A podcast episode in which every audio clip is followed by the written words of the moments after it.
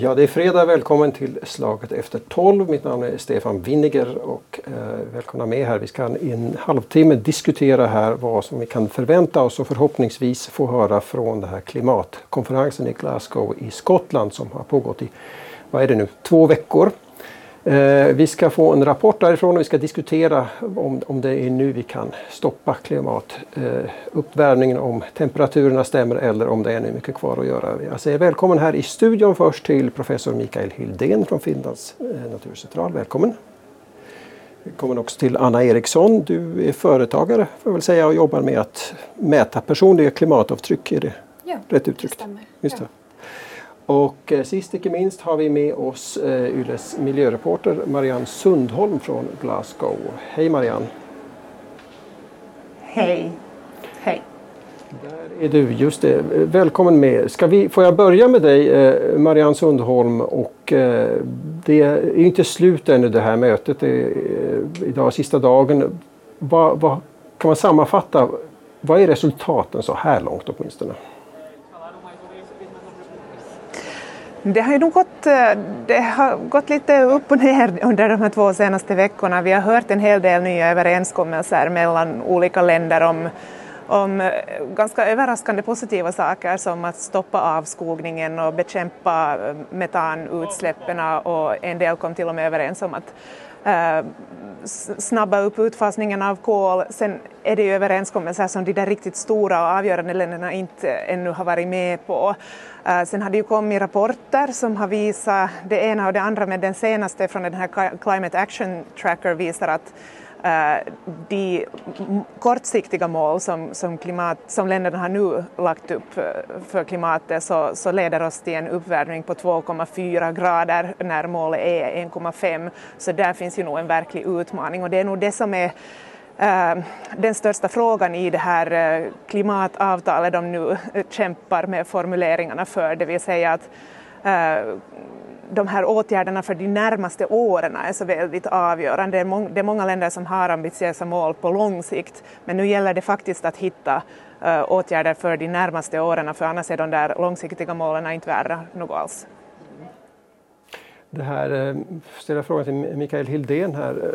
Det här att, att utläsa vad ett sånt här stort möte kommer fram till är ju en alldeles egen konst. Men alltså ditt, du, du forskar ju kring klimatpolitikens verkan om man nu får sammanfatta på det sättet. Vad, vad säger du om, om det vi hört hittills?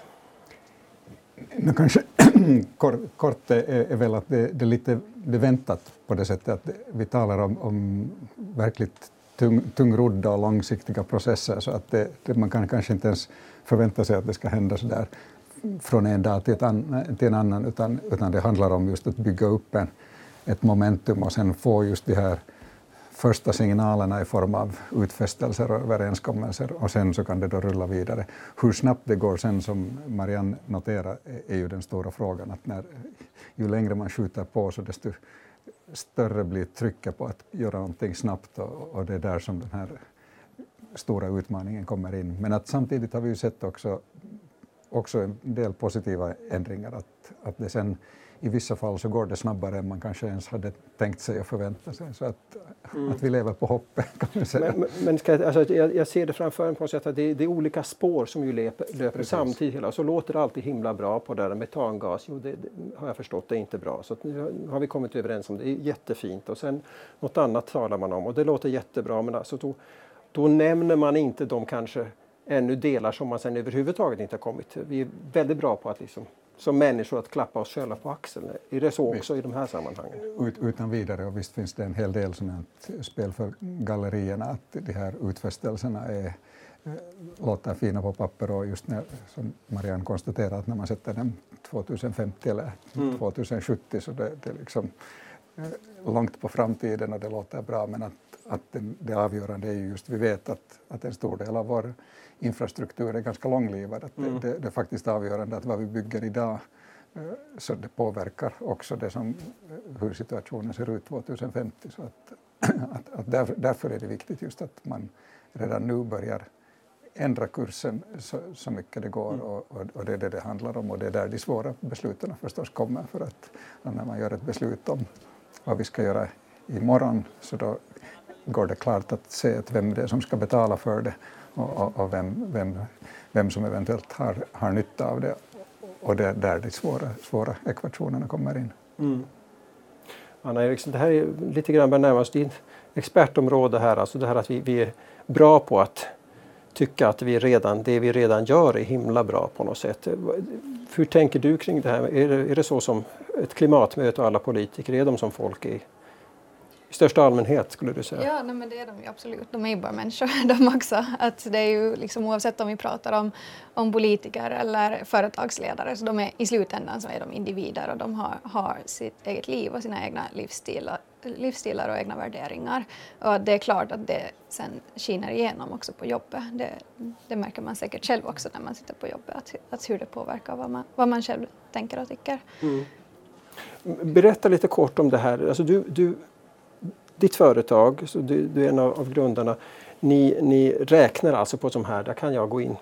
Du får berätta själv alltså, Ja. och hur, hur, hur min livsstil eller någons livsstil då Jo, precis. slår. Uh, Spark Sustainability uh, har uh, delvis en, en klimatkalkylator med vilken du kan räkna ut dina livsstilsutsläpp. Mhm. Alltså de utsläpp som du själv kan påverka direkt genom dina dagliga val. Så det innehåller till exempel uh, hur du bor och hur du äter och, och hur, du, hur du rör på dig från, Mhm. från ställe till ställe.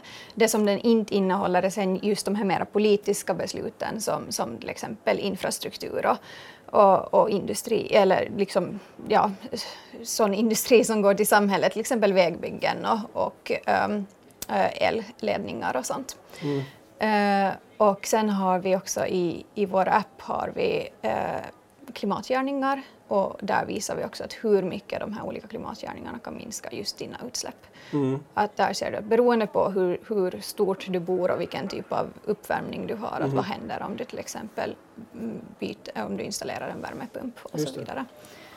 Och det där som vi var inne på, det här önsketänkandet eller det här vilja, vilja höra att jag är ju duktig på något sätt. Det gäller, alltså, när vi har de här stora, på det stora ändå, liksom det här att, att eh, det- är en sak att övertyga mig om att jag borde göra en viss sak.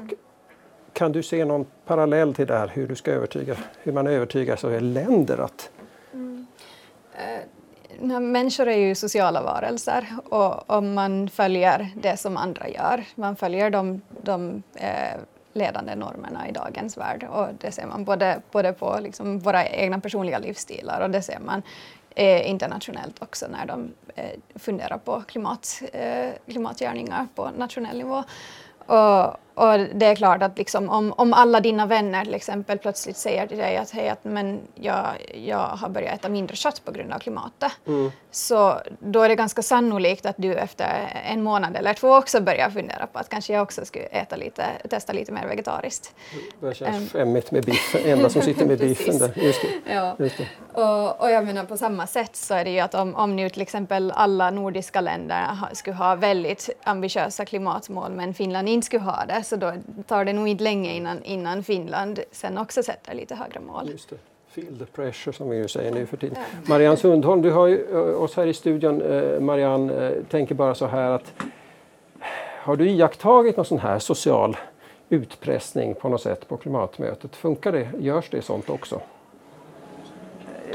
nu, nu, sågs det ju, nu är det ju just av den orsaken som det ses som jätteviktigt att, att Kina och USA, som ju är de största utsläpparna igår, kom, kom överens om att tillsammans Ja, no, rent konkret sa de ju, kom de ju inte med så väldigt uh, hårda löften ännu, men de sa att de kommer uh, tillsammans att eh, höja sina klimatmål för 2030.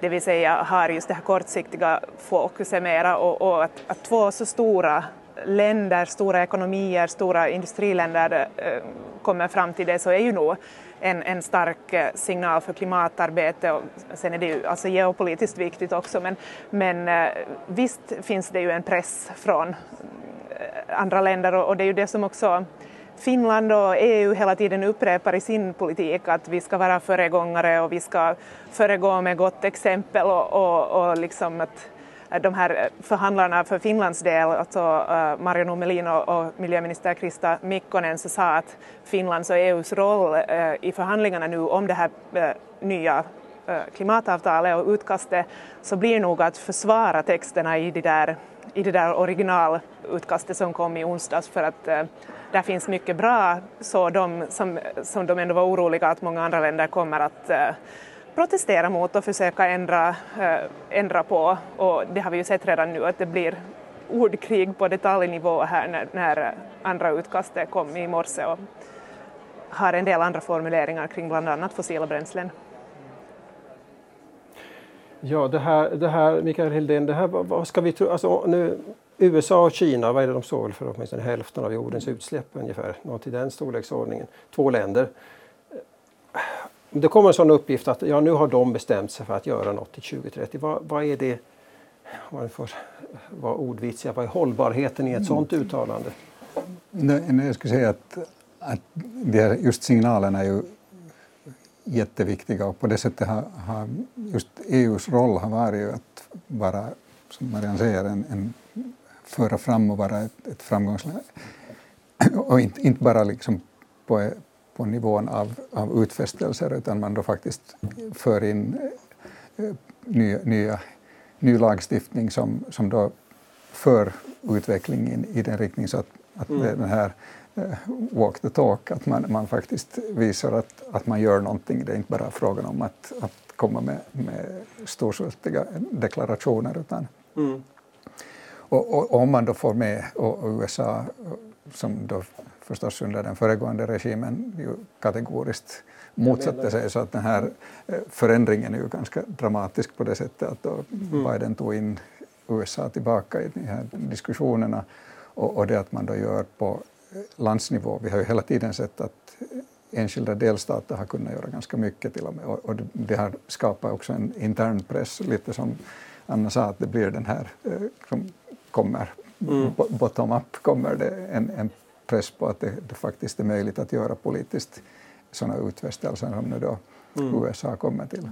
Kina är ju sen en, en annan eh, bit för att hela samhällsstrukturen fungerar på ett annat sätt och där finns inte här kanske den här gräsrotspressen är annorlunda men där igen de ekonomiska realiteterna och den här viljan att ändå vara en, en marknad och det att man också där ser en marknadsmöjligheter i, i klimatarbetet. Så det är säkert det som driver ganska långt. Mm. Hur, jag ska säga, vi talar ju om bindande avtal, men säger hipp som happ så blir Donald Trump återvald här nästa gång. Mm. Alltså, det, det, är möjligt. Ja. Eh, vad heter det, tar han och ut sig i USA hejen då på något sätt? Eller finns det något sätt att så att säga, ha, eh, att, att nej, nej, nej, nej, stopp där, nu, nu har ni lovat att gå med. Finns det några sådana tvingande eller är det allt möjligt fortfarande? Nu, nu är allt, allt ganska möjligt, eh, just de politiska vindarna kan ändra. Det, det, som, det mest bindande är kanske sen när ekonomin ändrar sig, så att det talande till exempel att också under Trumps tid så, så gick kolindustrin neråt hela tiden i USA, trots att att Trump ville bränna, bränna mera kol. Så, så det där var ekonomin och utvecklingen och det, det är kanske där som just de här både exemplen och sen forskningen och utvecklingen är, är så viktiga att man genom att man nu har då att det billigaste sättet egentligen att producera energi är med vindkraft eller i, i, i vissa områden. Så det betyder att, att kolkraften fasas ut också om en politiker skulle säga att nu ska vi bränna kol, men att om, om det inte, inte finns ekonomiska, eh, en ekonomisk bas för det så, så försvinner det. Det är för dyrt, just det. Är det här, eh, vi hörde också här från eh, Marianne Sundholm rapporterade här att de här grad 2,4 grader var nu mm. dagsnoteringen här. Vi vill ner till en och en halv grads, alltså uppvärmning jämfört med förindustriell tid eller något sånt där. Mm. Är det, liksom, är det verkligen, kan man säga så här, går det här hela, hela det här arbetet reducera på den här gradsiffran? Vad säger ni? Ja, det, det är väl, äh, det är väl ett, ett bra sätt att, att på något vis visualisera det här. Att vad, är det vi, att, vad är det vi strävar mot? Och så där. Att, mm. att, uh, vi måste ju ha något konkret mål för att annars så vet vi inte om vi når det eller inte. Och, och sen så um, det att når vi 1,5 grader eller når vi 1,7 eller, eller 2,4 så det, det har ju allt att göra med våra ambitioner och sen mm. också såklart osäkerheter. Att det, det vet mm. säkert Mikael mer om, att, att det här, men, men att våra prognoser och projektioner eh, mot slutet av århundradet, ju, ju längre fram i tiden vi, vi kommer, desto mer osäkert blir det. Att mm. Vad kommer vi att nå? För att mm. klimatet är ett så komplicerat system. Um, att, att, ja, att man borde ju hellre egentligen då sikta, sikta längre ner än 1,5 men det är i det här skedet kanske inte riktigt möjligt längre. Och sen, sen kanske just det som att, att, på grund av den här osäkerheten så det som det här ett, ett medeltal förstås täcker är det att, eller gömmer egentligen är det att det finns en stor variation inom det. Att vi vet redan nu att då, Nord Nordeuropa, Arktikum, så där är uppvärmningen dubbelt så, så, mm. så snabb så att, att, det som vi har sett hittills så har egentligen förverkligats. Att det här ett globalt medeltal är ju en, en abstraktion på det sättet så att det, det, det där döljer, döljer många detaljer och, och, det är där som kanske dess betydelse just är därför man har satt den också så pass lågt att det, man försöker då på det sättet hitta också en del säkerhetsmarginaler. Just det där. Men att just att vi vet att också med, med ett mål på 1,5 så, så varmnar värms Arktikum upp med nästan det dubbla. Just det. Och där, nu, nu är vi ju de facto helt... Nu är vi ju faktiskt i Finland. Så att, vad, vad, vad betyder... Alltså, kan du liksom, det säkert har sagts många gånger, men alltså, vad, vad, vad, vad ser du för, för scenarion för, för, för Finland då med den här takten? Om vi inte gör någonting? Eller? Det, det, det har gjorts och görs hela tiden och det finns en, som Anna sa, att det, ju längre framåt i tiden vi försöker titta desto större är osäkerheten. Men att, att det finns vissa sådana jag vill säga, genomgående drag som vi vet då att no, som vi redan kan dokumentera också att medeltemperaturen i Finland har faktiskt stigit och det betyder att, att eh, vinterperioderna har krympt mm. och, det betyder att vi har fått mera regn under, under vintertid och mindre snö.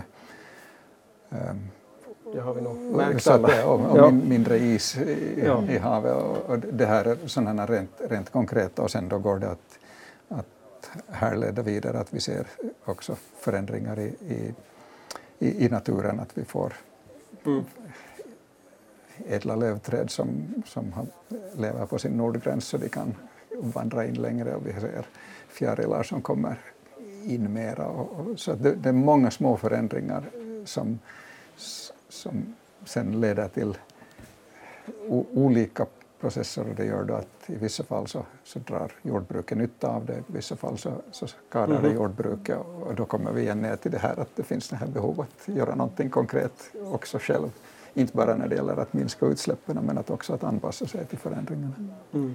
Det är sant, det där just Finland är ett ganska intressant exempel i och med att det, det, finns så många både positiva och negativa konsekvenser som man förväntar sig och, och just det där att det finns positiva följder för jordbruket och, och, och sådär. Samtidigt så för, för oss som, som, som, folk som mig som älskar vintersport så, så är det ju helt hemskt för vi kommer att måste resa ganska långt sen om vi ska, om vi ska kunna åka skida eller, eller någonting liknande. Och, och sen samtidigt också för alla, alla oss nordbor som har sommarstugor så är det inte heller så trevligt för att um, man räknar med att det, det att vi får mera nederbörd i form av regn eh, det kommer troligen att leda till att vi får en värre övergödning av Östersjön. Mm. Och då får vi mera algblomning och sen just de här hetare sommardagarna som kommer bli allt vanligare så då är det mera sannolikhet att det är alger och då går det inte heller att svalka sig ute på stugan. Det, det. Så att det finns sådana här helt liksom, konkreta följder som, som är mindre trevliga också i Finland. Just det. Jag vill minnas att det hette för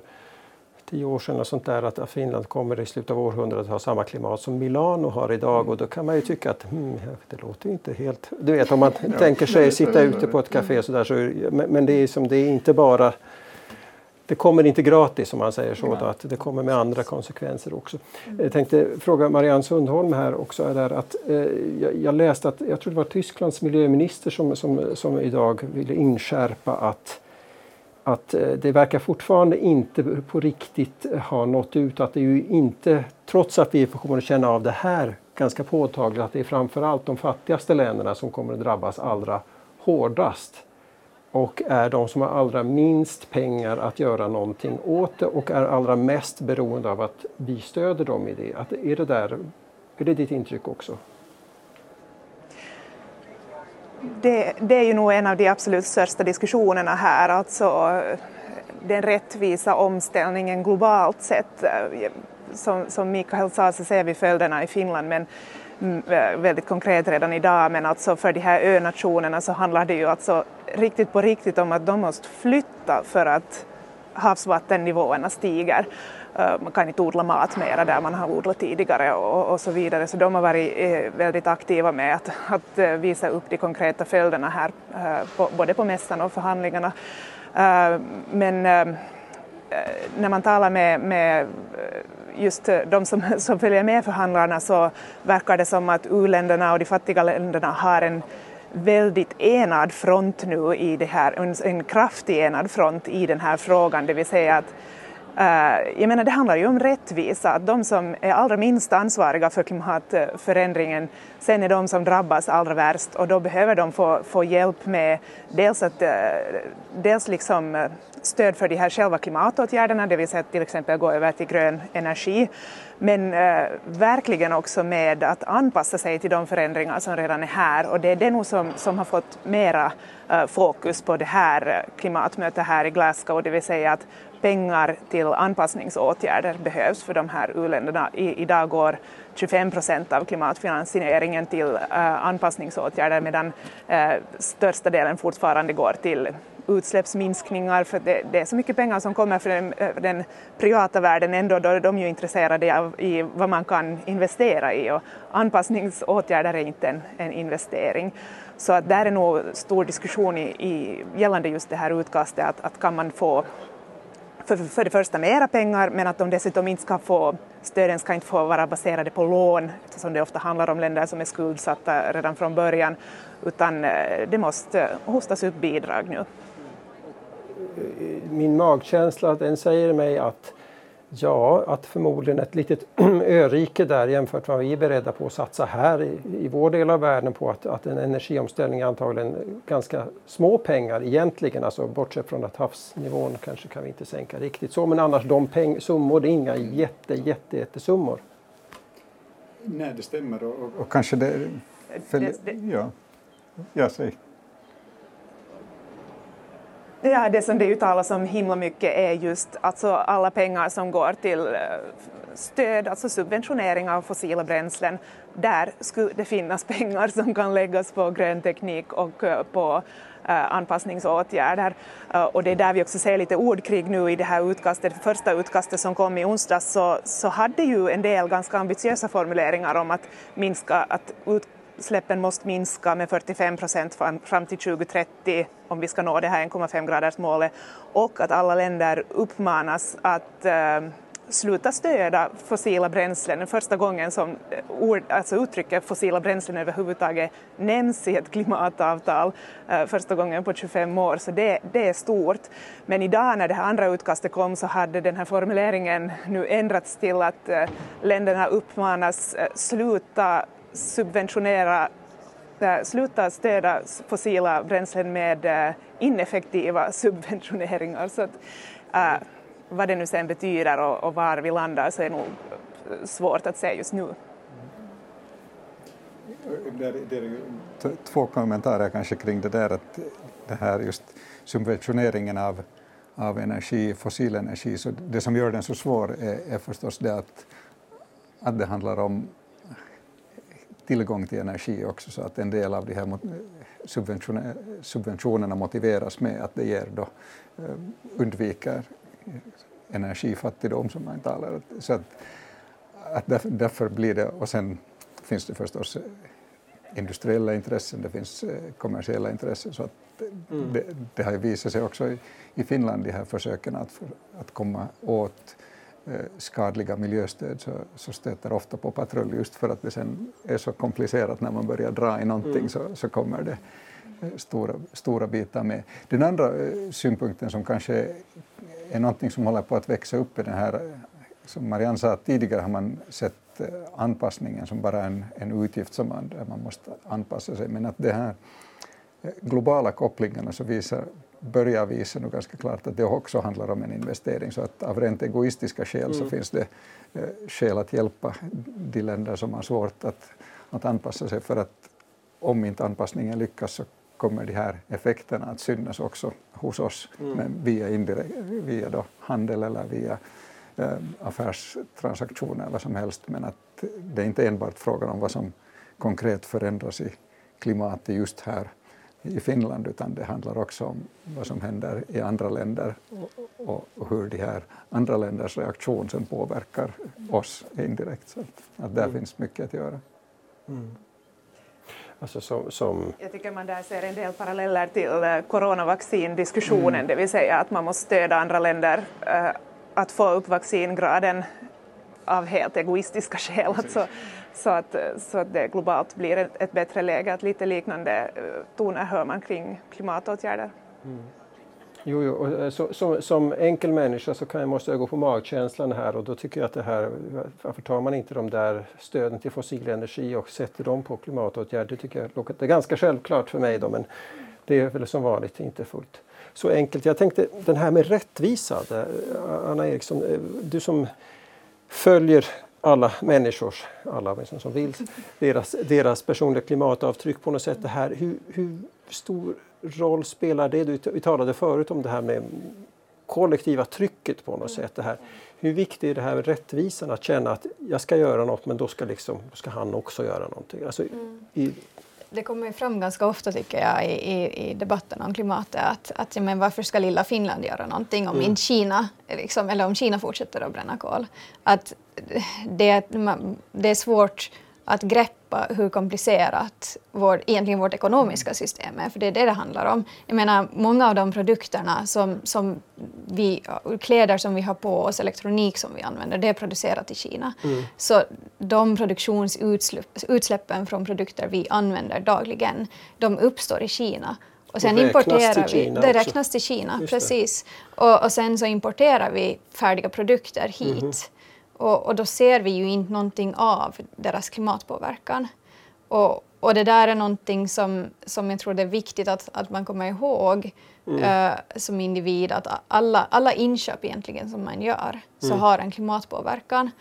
Uh, och, och sen uh, finns det många olika sätt att, att minimera den här klimatpåverkan och det handlar mycket egentligen om att använda eh, eh, tjänster som hör till delnings eller cirkulära ekonomin så, mm. så att, att eh, ja, hyra när man behöver någonting bara då och då eller att eh, låna av sin granne eller mm. eh, vad som helst. Det, eh, ja, reparera om någonting är sönder och ännu går att laga. Att, att man Eh, ja, överkonsumtionen är såklart en, en stor bidragande orsak till, till mm. klimatförändringen. Mm. Det där måste vi återkomma till i slaget efter. Det är jätteintressant diskussion. Men jag tänker nu bara så här att Eh, den här eh, om, om nu Kina, så säger vi, nu ska Kina lova sluta bränna kol. Om kineserna på något sätt, när hela den här, om vi nu hoppas att de gör allt det de lovar och så vidare. Eh, måste vi tänka oss och nu tänker jag, du som verkligen då funderar kring, kring konsumtion och varor och sånt där. Och om hela den här omställningen sker, kommer vi liksom då märka det här att alltså, det kommer inga spelkonsoler längre från Kina, det kan vi glömma, inga jeans från Bangladesh. Eller hur, hur? Om man skulle stänga av kranarna helt så ja, då är det antagligen så det ska gå. Ja. Men, men, men, men, om den här liksom nu, jag antar att kineserna vill fortsätta tillverka mm. någonting ändå, så säga, men har vi någon idé om hur, det, hur den här liksom, den värld så rent materiellt förändras när, när, alla de här mm. klimatåtgärderna, alltså vad vi ser i butiker och sånt där? Ja, alltså det, det som ju man talar om och som också, också stora företag till och med understryker som, som viktigt är ju att det blir ett, ett pris på, på kol på utsläppen av, mm. av då, eh, klimatgaser. Och, och då, det vi ser konkret är då att de produkter som, som förorsakar utsläpp så blir dyrare. Mm. Eh, så att det, det ger, ger den här extra signalen att när någon går in i Annas eh, app och, och ser sina utsläpp och så en prissättning så borde då börja signalera att okej, okay, det, det lönar sig att övergå till någonting som, som då just eh, delningsekonomi eller någonting för att mm. det helt enkelt blir, blir dyrare att, att bara transportera. Och där, det är där som Kinas också intresse förstås ligger i att, att de ser också en potential i att kunna utveckla mm. utsläpp, eller produkter med lågt utsläpp på sikt. Eller, eller alltså, riskerar det bli så att de här, nu har vi vant oss i decennier vid att Kina producerar så pass prisvärt att vi alla har råd att köpa vad vi vill och de kan sälja till hela världen. Finns är det här ett, och vi hoppas ju alla att de här åtgärderna ska gå och kommer att genomföras. Men att, så att, säga, att det blir, finns det en risk, att, eller risk och risk, man ska säga, en konsekvens av att det blir sen så dyrt, de här varorna från Kina, att, att sen köper vi dem inte. Då kan vi lika gärna göra dem själv och sen blir Kine, vad gör kineserna då? Finns det sådana, ser ni sånt också? Säkert finns det, finns det sådana konsekvenser. Precis, det är svårt att förutspå vad som ska hända. Men, att, men det är klart att den, den som producerar någonting billigast, den kommer att vinna mm. största, äh, största delen av marknaden. Att så fungerar vårt ekonomiska system. Och, och om man då sen här kommer på att men om vi bygger en fabrik i Finland istället så kan vi producera det mycket billigare. Då är det möjligt att man gör det. Mm.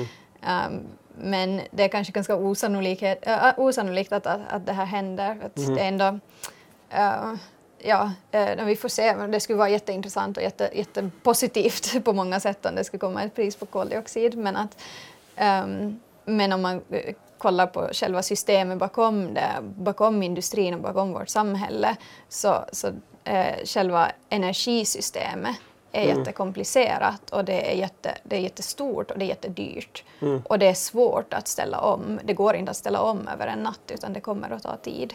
Det. Men det är också därför som man måste börja helst idag.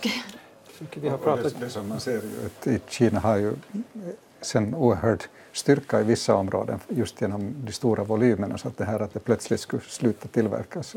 Menar, kan, konkret kan vi se utvecklingen i, i solcellernas pris. Mm. Eh, den hade inte kommit ner så, så, snabbt och så dramatiskt om inte Kina hade satsat på det. Mm. Att, att där, där, finns liksom det här möjligheten. Men att en omställning handlar det om och det, det, det gör det förstås både intressant och osäkert. Mm. Vi ska snart runda av här. Bland annat ska Mikael Hillén nämligen hinna med ett, med ett klimatlämpligt tåg här. Marianne Sundholm får sista ordet här. Jag skulle säga att det där är liksom den största skillnaden mellan eh, det det talas inne här på mötet och det som klimatdemonstranterna där utanför mötet pratar om. Alltså här inne handlar det om att eh, ställa om eh, från fossilt till förnybart för att kunna upprätthålla samma välfärd som man har idag. Där ute ropar de, vare sig det är Greta Thunberg från, från Sverige eller någon från ursprungsbefolkning i, i Amazonas regnskog, så ropar de efter en systemomställning. Det vill säga lägga fokus på att eh, de rika länderna och de rika individerna i de rika länderna inte kan fortsätta konsumera som de gör idag.